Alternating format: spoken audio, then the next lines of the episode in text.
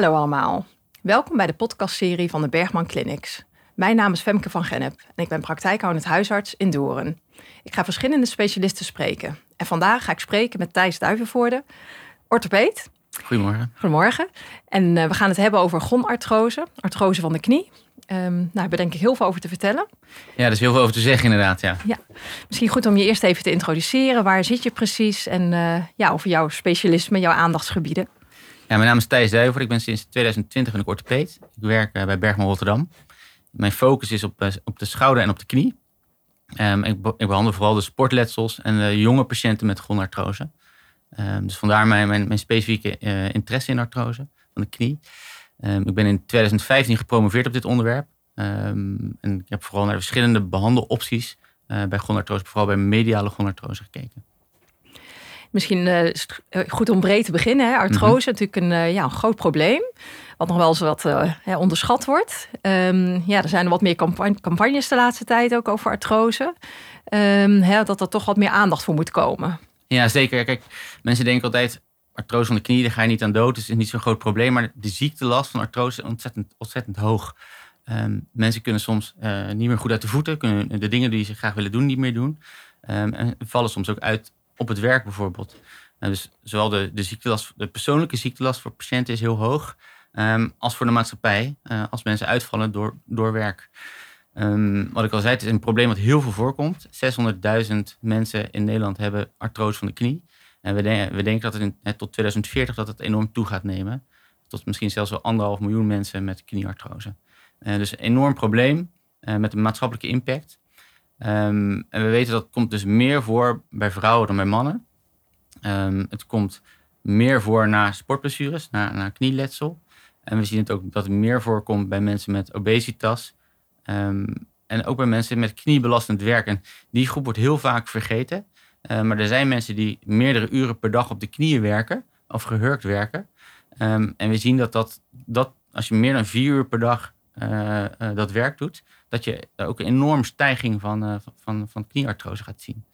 Um, en dat is een lastige groep, omdat die vaak wel op de zeventiende beginnen met dat werk te doen. Um, en dan dus op jonge leeftijd, dus rond hun 40ste, 45ste, al knieartrose hebben. En ook nog eens een keer belastend werk voor de knie doen. En dat, ja, die, die, dat, dat maakt dus dat je dus uiteindelijk een, sneller, sneller die artrose ontwikkelt. Um, en dan kom je in een lastig pakket, hè, want er zijn, mensen kennen de knieprothese bijvoorbeeld wel hè, als behandeling voor, voor artrose.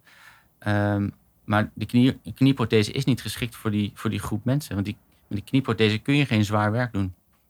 Um, dus dan kom je op een gegeven moment wel een beetje klem te zitten. Um, maar goed, ik denk dat misschien moeten we eens een keer stapsgewijs door de behandelingen, behandelopties heen gaan. Is dat een idee? Ja, lijkt me goed inderdaad. Hè. En, en misschien ook nog voorafgaand hè, qua klachten. Mm -hmm. Op zich redelijk duidelijk klachtenpatroon. Hè. Maar je zit ook nog wel met het knee-hip uh, dilemma. Hè. Ja. Het nou echt in de knie of is het toch die heup? Ja. Misschien is het goed om daar nog even naar te kijken wat, voor, ja, wat, wat het met name de klachten zijn.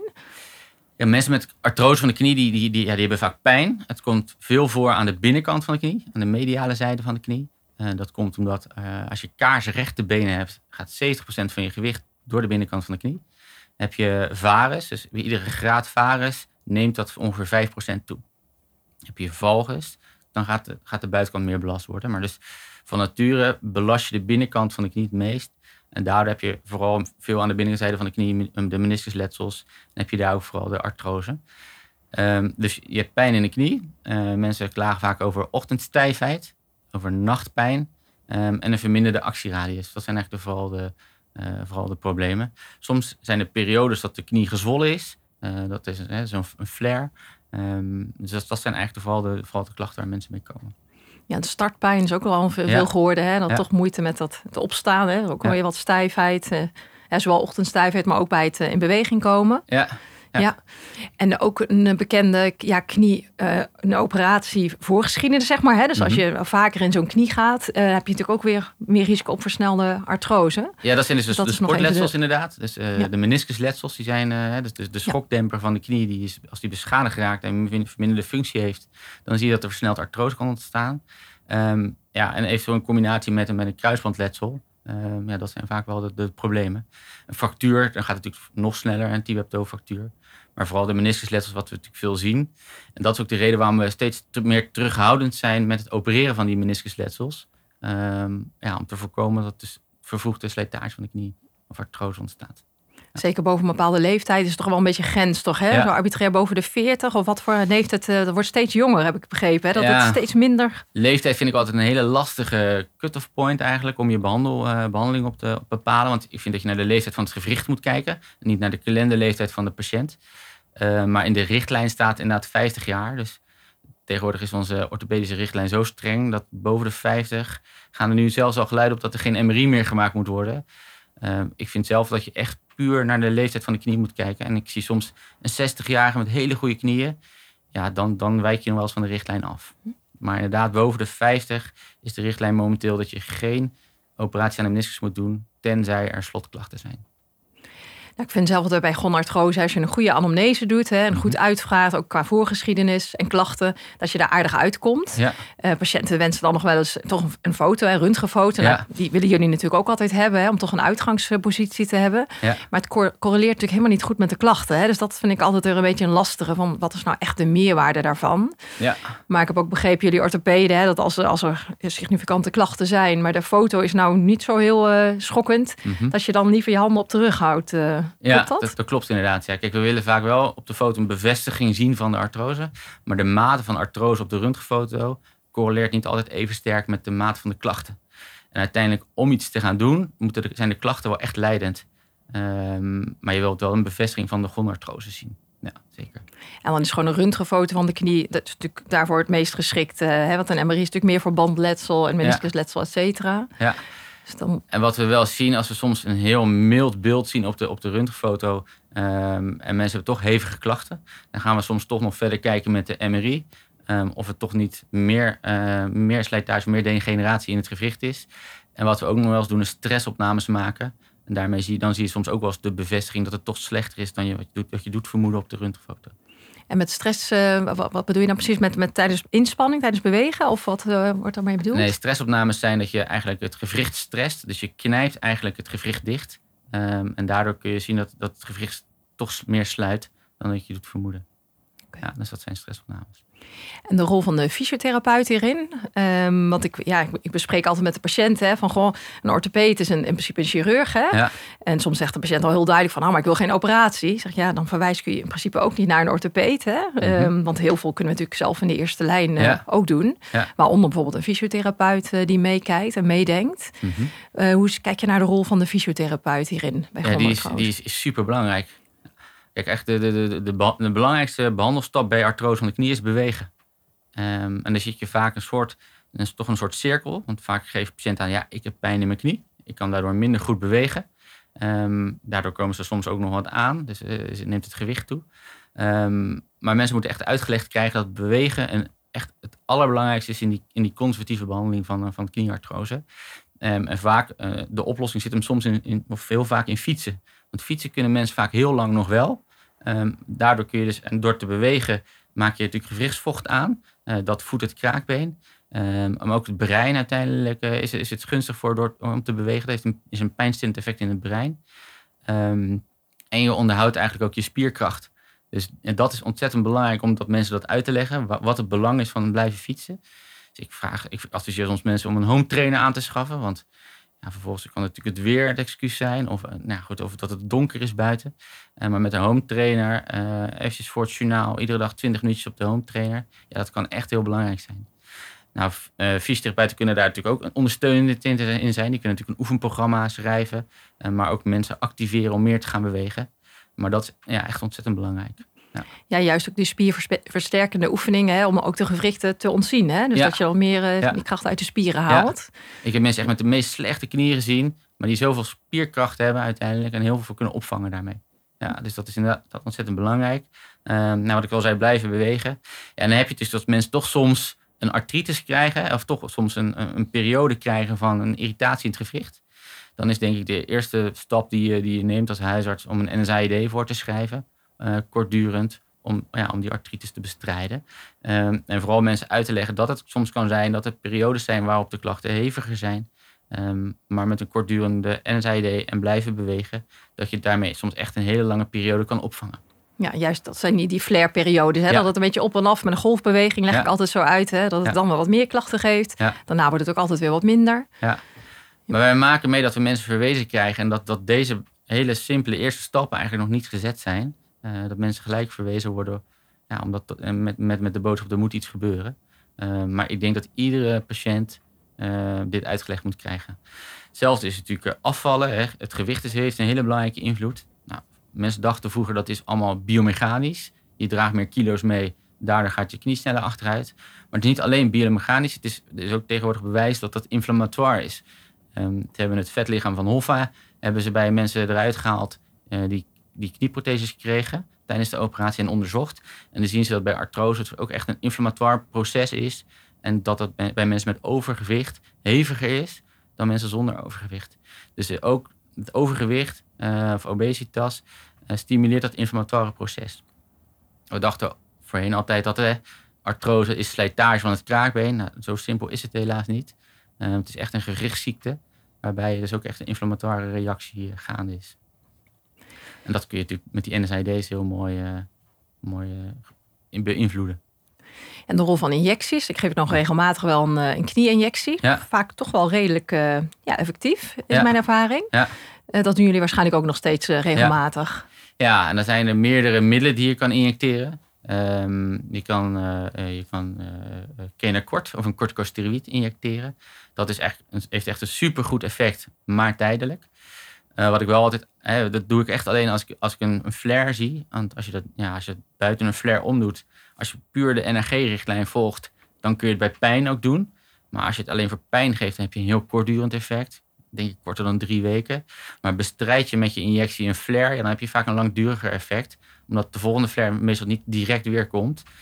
Um, dus dat is, dat is een kenakort. In de NRG-richtlijn staat overigens met, aangelengd eventueel met lidocaïne. Daarmee moet ik wel zeggen dat lidocaïne heel erg gondotoxisch is. Uh, dus mijn advies zou zijn om dat niet met lidocaïne te doen.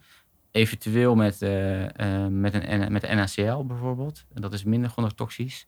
Of wat wij ook wel eens doen binnen de Bergman is met ropivacaïne. Dat is een andere, andere pijnstiller.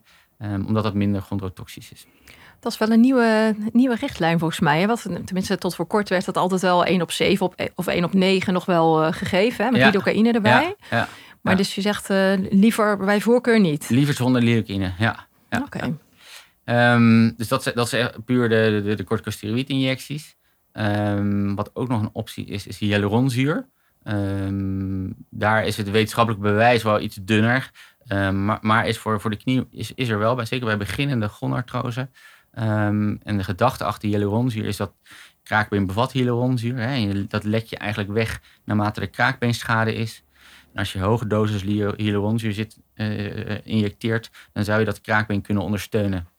Um, we zijn daar nog niet zo ver mee dat het wetenschappelijk bewijs daarvoor zo sterk is dat de zorgverzekeraar dat ook vergoedt. Dus die injecties komen voor, voor eigen rekening van de patiënt. Maar dat is zeker iets wat geen kwaad kan en wat, ja, wat, wat te proberen is bij een patiënt. En de glucosamine, dat was ook nog wel een tijdje hè, in. Dat je dan dat probeert en als het na twee maanden geen effect is, stop je er weer mee. Maar anders kan het toch nog wel effectief zijn? Of wat is je ervaring daarbij? Nou, als je de studies erop naslaat, dan zie je dat dat effect van glucosamine niet veel sterker is dan het placebo-effect. En als je de onderzoeken bekijkt, uh, mensen met artrose van de knie, ja, die, zijn, die zijn heel gevoelig voor placebo, is bekend. Um, dus ja, het is niet sterker dan, uh, dan, dan, dan, dan, dan, placebo. Um, dus dat is niet wat, iets wat wij actief uh, adviseren. Um, maar goed, ja, als mensen er zeggen, ik heb er baat bij, ja, dan kan het ook geen kwaad. En, zo zijn er, op de, nou, omdat het natuurlijk zo'n grote groep patiënten is, die, is er ook heel veel op de markt voor, voor artrose groenlip, mossel, nou, noem maar allemaal op. Ja, nogmaals, het heeft niet een sterker effect dan, dan een placebo. Um, het, het, voorkomt denk ik ook niet achteruitgang gaan van het gewricht, voor zover we weten. Um, maar het kan soms wel ondersteunend zijn. En hoe gaan jullie om met het knee-hip dilemma? Hè? Dat het mhm. soms best wel lastig is. Komt dan nou echt vanuit die knie of is het toch meer mhm. die heup? Um, ja, het is natuurlijk ook lichamelijk onderzoek uh, doen uiteraard. Hè? Maar soms wordt er nog wel eens een, een proefinjectie gegeven. Ja, dat is denk ik een groter dilemma in de eerste lijn dan in de tweede lijn. Dat is gewoon puur omdat we die röntgenfoto's hebben. En als je gewoon iemand ziet met puntgave heupen, ja, dan weet je dat het. En hij heeft soepele rotaties, dan weet je dat het minder een heupprobleem is dan een knieprobleem. Um, mocht het zo zijn dat het, dat het dilemma er toch is, dat mensen toch op in allebei de gewichten een beetje slijtage hebben, um, dan kun je nog een, een, zogeheten markinisatie of eigenlijk een verdoving van het gewricht geven. Dat kan zowel in de heup als in de knie. En dan kun je kijken wat dat doet op de klachten. Mocht het nou zo zijn dat mensen allebei eh, de gewrichten, dus dat zowel heupartrose als schonartrose van die aard hebben dat je overigens iets moet doen operatief. En dan beginnen we vaak bij de heupen. Dus dan gaan we van boven naar beneden. Ja, zo zeggen we dat dan binnen de orthopedie. Ja, precies. Ja. ja, en qua ja, nieuwe, nieuwe heupen of een nieuwe knie. Hè? Nou, Mhm. Van de heupen weten we, die, die, die lopen allemaal wel lekker. Hè? Dat gaat Ja. altijd wel soepel. Maar Ja. bij de knieën is toch, ja, één op de vijf is dan niet zo tevreden daarover eigenlijk. Hè? Dus dat, dat is toch wel een aanzienlijk, eh, met een behoorlijk aantal. Ja, Wa- Wat maakt dat die knieën toch wat minder goed doen? Ja, wat je, wat je al zegt, hè, dus die, die heupprotheses. Er bestaat een forgotten hip, zeg maar, na de, na de heupprothese. Dus dan mensen die worden niet eens meer herinnerd aan een nieuwe heup. En 98% van de mensen is ook echt tevreden na een, na een heupprothese. Dat is, ja, ontzettend veel. Dus, ehm, en dat, hebben, dat beeld hebben mensen soms in hun hoofd als het ook over knieprotheses gaat. Ehm, maar, maar zo rooskleurig is dat niet. Na een knieprothese ongeveer 80% tevreden. Nou, dat klinkt best nog ook nog wel oké, maar dat betekent ook dat 1 op de 5 ontevreden is. En dat is, dat is best wel veel. Want als je ontevreden hebt, dan word je dus... En die mensen worden elke dag herinnerd aan een knieprothese. Of ja, die, die, hebben daar last van. Want bijvoorbeeld drie op de tien mensen kan niet knielen of hurken na een knieprothese. Ehm, dus ja, het is een hele goede pijnstillende ingreep. Als je echt niks anders meer kan. Maar ja, er zijn ook wel echt wel kanttekeningen bij. En daardoor moet je dus zo'n knieprothese zo lang mogelijk uitstellen. eh, als het echt niet meer kan. Ehm, ik, heb een fellowship in België gedaan en daar zeiden ze altijd een nieuwe knie. Hè, dat klinkt als, eh, als, als, als ideaal, maar het is eigenlijk een, eh, een goede occasie, noemden ze het dan in het Vlaams. Mhm. Ja, zo moet je het een beetje zien. Het is een goede tweedehandse. Ehm, en er zijn nog echt best wel opties om een knieprothese uit te stellen ehm, of af te stellen. Als je goed, ja, die mensen goed begeleidt, zeg maar, eh, in, in, in een vroeg stadium. En heb je daar, dan kom ik over die leeftijdsgrenzen. Mhm. Heb je daar dan nog dat je zegt van nou, onder een bepaalde leeftijd, hè, daar gaan we het zo ook over hebben, de osteotomie Mhm. technieken. Hè? Ja, Ehm, kan je daar iets meer over zeggen van hè, de verschillen daar, daartussen? Tussen een totale knieprothese en wanneer doe je een osteotomie? Wat ja. natuurlijk meer voor de jongere, eh, wordt, jongere patiënt wordt gedaan. Mhm. Nou, kijk, de, qua leeftijd eh, zit je. ehm, kijk, als mensen boven de 70 zijn, en dan zijn we minder, eerder geneigd om een prothese te plaatsen. Ehm, hè, dan dat je kijkt ook een beetje puur naar wat mensen nog doen, hoe actief mensen zijn. En want hoe actiever je bent, hoe sneller een prothese slijt. Hè. Een prothese, ik heb hem meegenomen, die, eh, voor, de, voor, de, voor de mensen die meekijken, eh, bestaat eigenlijk uit drie delen. Eh, je hebt een metalen, metalen component in het tibia plateau. Je hebt een metalen component in, in het femur zitten. En daartussen ligt eigenlijk een liner, die is van polyethyleen. Is eigenlijk een soort kun- kunststof. En die glijdt eigenlijk tussen die twee metalen componenten.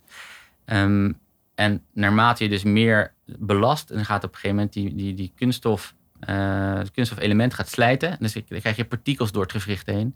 En die komt uiteindelijk tussen de verbinding van het boveninsbod en het onderinsbod ehm, en de kunststofdelen, waardoor die los gaat laten. En dan gaat zo'n prothese dus falen. En het is heel simpel. Hoe meer je erop doet en hoe zwaarder je bent, hoe sneller die slijt. Dus zeker jonge mensen met artrose en obesitas die heel veel nog doen, ja, dan gaat zo'n prothese helemaal niet zo lang mee. En we zeggen altijd 10, 15 jaar, maar die jonge mensen, dan gaat die soms maar vijf jaar mee. En dan zit je na vijf jaar met een probleem, want dan moet er dus opnieuw geopereerd worden. En dat is de reden waarom die jonge mensen dus eigenlijk helemaal niet geschikt zijn voor een prothese. En zeker als ze nog fysiek werk daarbij doen, dan moet je het dus op een andere manier proberen op te lossen. Ehm, en dat kan. Ehm, dat kan bijvoorbeeld om op, door naar de beenas te gaan kijken. Wat ik eerder al zei, hè, als je kaarsrecht been hebt, gaat 70% van het gewicht door de mediale zijde van de knie. Bij iedere graad varus neemt dat dus 5% toe. Ehm, en dat kun je dus ook gebruiken om die binnenkant van de knie te gaan ontlasten. Want dat is de kant waar de meeste artrose voorkomt. Ehm, wat je dan kan doen is eigenlijk um, het been in een valgus zetten. ehm, of proberen te valgiseren. Waardoor je dus meer gewicht naar de buitenkant van de knie verplaatst. En kunnen, door, door dat te doen kunnen mensen soms nog heel lang mee met hun eigen knie. Nou, dat valgiseren kun je dus doen op meerdere manieren. Ehm, voorheen werd er eh, een, een inlegsel geadviseerd. Daar is de, de huidige literatuur wel wat, op, wat verder op gekomen. Omdat er studies zijn waarbij ze een neutrale inlegsel en een inlegsel met zo'n wichtje aan de, zuid, aan de buitenkant hebben vergeleken met elkaar. Ehm, dus er was eigenlijk de, de neutrale inlegsel was de placebo en met het wichtje was, uh, was, was de interventie. En dan zagen ze eigenlijk geen verschil tussen beide, beide zoltjes, tussen de groepen. Dus in een placebo-controleerde studie vonden ze geen verschil. Um, en als ze naar ganganalyse-studies keken, zag je dus eigenlijk dat mensen in het begin wel wat anders gingen lopen. Maar nadat ze zes weken die zoltjes dragen, zagen ze eigenlijk geen verschil in effect. Dus die zoltjes is meer placebo dan dat het echt wat doet. Um, maar die, maar de, dus die worden ook niet meer actief geadviseerd. Tenzij mensen weer zeggen, ik heb er baat bij, dan kan het natuurlijk geen kwaad. Maar de, de valgezierende brace, ik heb daar eentje van meegenomen. Dus um, voor de mensen die niet kijken, maar meeluisteren, dat is een brace eh, met een scharnier aan één zijde van de knie. En aan de andere kant zitten er banden. Um, en die kan ervoor zorgen dus dat je knie eigenlijk in valgus komt te staan. Um, en die braces die hebben wel echt een goed effect. Mensen zijn echt, kunnen echt van een pijn aan de binnenkant van de knie af zijn. Waardoor de, de belastbaarheid van het gewricht verbetert. Het nadeel van die braces is, zijn duur. Dat is de reden waarom ze door de revalidatiearts of de, de orthopeed worden voorgeschreven. Um, en ja, mensen zijn op een gegeven moment soms ook die brace zat. Die zeggen dan, ja, leuk en aardig, maar ik moet iedere keer die brace dragen. Dus je ziet wel dat een hoop van die braces in de kast belanden. Dus je moet daar wel echt goed met de patiënt over in gesprek.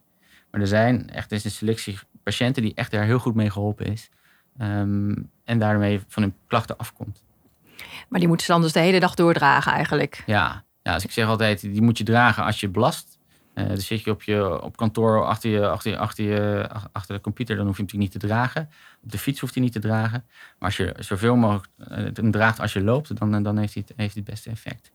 Goed, er zijn ook mensen die in de bouw werken met zo'n brace ja, en daarmee uitkomen. Ja. Misschien goed om nog wat nader op de, de twee osteotomie-technieken mm -hmm. in te gaan. Hè? Want er zijn natuurlijk twee varianten. Hè? Dus meer de, de valgus en de, de, de andere is de varus-techniek. Ja. Ja. Um, nou, misschien goed om daar nog even bij stil te staan. Ja, kijk, als mensen zo'n die, die brace dragen met succes, hè, ze zijn van die pijn af, maar ze zeggen ik wil van die brace af. Um, dat doe je overigens, moeten mensen wel echt een varus beenas hebben. Um, en, en slijtage aan de binnenkant van de knie. Dan kun je overwegen een osteotomie te doen. Ook daar heb ik een model voor meegenomen. Um, een osteotomie is eigenlijk, dat betekent eigenlijk het, doorzagen van het bot. Hè? en dat kan dus valgiserend en variserend zijn. Um, als je een, varis, of een valgiserende osteotomie doet, dan, dan, bij, bij varusschonartrose, dan zaag je het bot dus door aan de binnenkant van de knie. Hè, bij de openwichttechniek, dus is openwichttechniek, de, de gesloten wichttechniek gebeurt steeds, steeds minder in de wereld, dus die zullen we achter beschouwing laten. Maar dan zaag je het in twee vlakken, zaag je het dan door. Je wicht eigenlijk het bot open en je zet vervolgens er een plaat overheen um, met schroeven om het bot open te houden. En uiteindelijk kan dat weer dichtgroeien. Um, en daarmee kun je dus de belastingsas dus veranderen. Als je, dat doe je dus, uh, deze techniek gebruik je als de deformiteit of de afwijking dus in het onderbeen zit. Um, wat belangrijk is, is dat je dus de oriëntatie van, het gewricht, van de gewrichtspleet wel in de gaten houdt. Wordt die te schuin, ja, dan vinden mensen dat niet comfortabel. Want dan kun je dat niet corrigeren in, in, waar je je voet plaatst. En dat is in het verleden wel misgegaan. Dus dat mensen uh, dachten, oh, O-been, ik corrigeer hem. Um, maar de, het, de, of de gewrichtspleet kwam te schuin. We hebben platen gehad waar de, die niet goed hoekstabiel waren. Dus waarbij de correctie verloren ging. Um, waardoor dus ook de correctie minder was dan wat je beoogde. Um, nou, er zijn een aantal dingen die echt wel verbeterd zijn de afgelopen jaren. En daardoor zijn die resultaten ook echt veel beter geworden. Um, maar doordat in, in, in de landen zijn er wel wat orthopeden afge, afgehaakt eigenlijk door deze techniek. Omdat die die nieuwste ontwikkelingen niet gevolgd zijn. En laatst hadden we een congres binnen, binnen de Nederlandse Orthopedievereniging. En toen uh, werd er gevraagd van wie doet deze operatie vaker dan 30 keer per jaar. Er waren er, waren er zeven of acht orthopeden die een hand opstaken. Um, maar de rest doet het dus minder.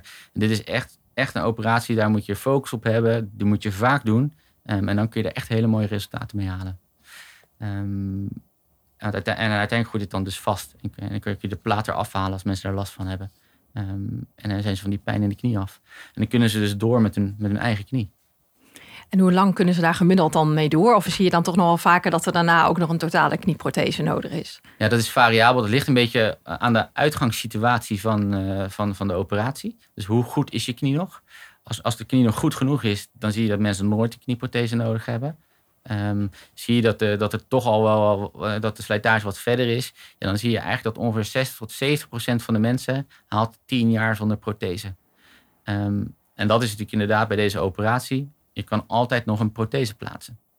Ehm, dus dat, ja, dat is het. Ja, dus je hebt altijd nog een uitweg, en mocht, het, mocht dat nodig zijn. Ehm, maar liever natuurlijk helemaal niet. En met je eigen knie kun je veel meer uh, dan, dan met een prothese uiteindelijk. Misschien tot slot nog even als, mhm. als contra-indicatie de obesitas. We hadden het er even over gehad. Hè? Ja. Door obesitas heb je natuurlijk een, een versnelde slijtage ook. Hè? Veel meer druk en veel meer belasting op die knieën. Mhm. Is dat voor jullie ook nog een contra-indicatie dat je tegen een patiënt zegt van nou ga eerst even afvallen voordat we dan aan, uh, überhaupt aan een operatieve ingreep uh, denken? Zijn jullie daar heel streng in? Hoe, hoe doen jullie dat? Ja, obesitas is wel uh, dat is een, een behandeling, een onderdeel zeg maar, van de consultieve behandeling. Hè? Afvallen, gewichtsreductie. Um, er zijn ook onderzoek gedaan hè, met dat steunzoltje bijvoorbeeld. Nou, je ziet dat 5 kilo afvallen veel meer effect heeft dan een steunzol dragen in de studies. Um, dus ja, dat is echt, echt een wezenlijk onderdeel. Dus daar moeten moet mensen eerst sowieso mee beginnen. Um, maar er zijn ook wel een BMI van boven de 35. Dat is wel een contra-indicatie voor deze operatie. Ja. Dat staat in dan in de Europese richtlijn. Want dan heb je een hoger risico op infectie. dus ja dat, ja, dat is echt de reden. Het is daarnaast dus het vooral echt een goede operatie bij jonge, jonge fitte mannen. Overigens doe ik hem ook bij, bij dames. Ik heb laatst nog een 64-jarige hoogleraar met, die, die, die in, eh, bij de Universiteit van Amsterdam zit, uh, geopereerd. Um, ik zal niet meer, uh, meer persoonlijke details noemen, maar die had, die had problemen met het lopen naar de trein, pijn in de knie. En ik kreeg laatst een foto terug uh, waarbij ze hikend in de bergen liep. Ja, dat was echt ja, schitterend om dan ook terug te krijgen. Die heeft zo'n enorme stap in de belastbaarheid gemaakt. Ja, dat zijn de resultaten die je kan boeken. Mooie te nieuwe techniek in ieder geval. Ja, uh. ja eigenlijk is een, eigenlijk een oude techniek. Uh, maar die wel sterk verbeterd is door nieuwe ontwikkelingen in, de, in het plaatmateriaal. Um, en het nauwkeurig uitlijnen. En ja, daardoor zijn dus hele mooie resultaten te halen. Nou, heel goed om, uh, om te horen, Thijs. Ik wil je hartelijk danken voor deze zinvolle en leerzame podcast. Uh, en voor thuis ook weer hartelijk dank voor het, voor het luisteren en eventueel het kijken. En graag tot de volgende keer.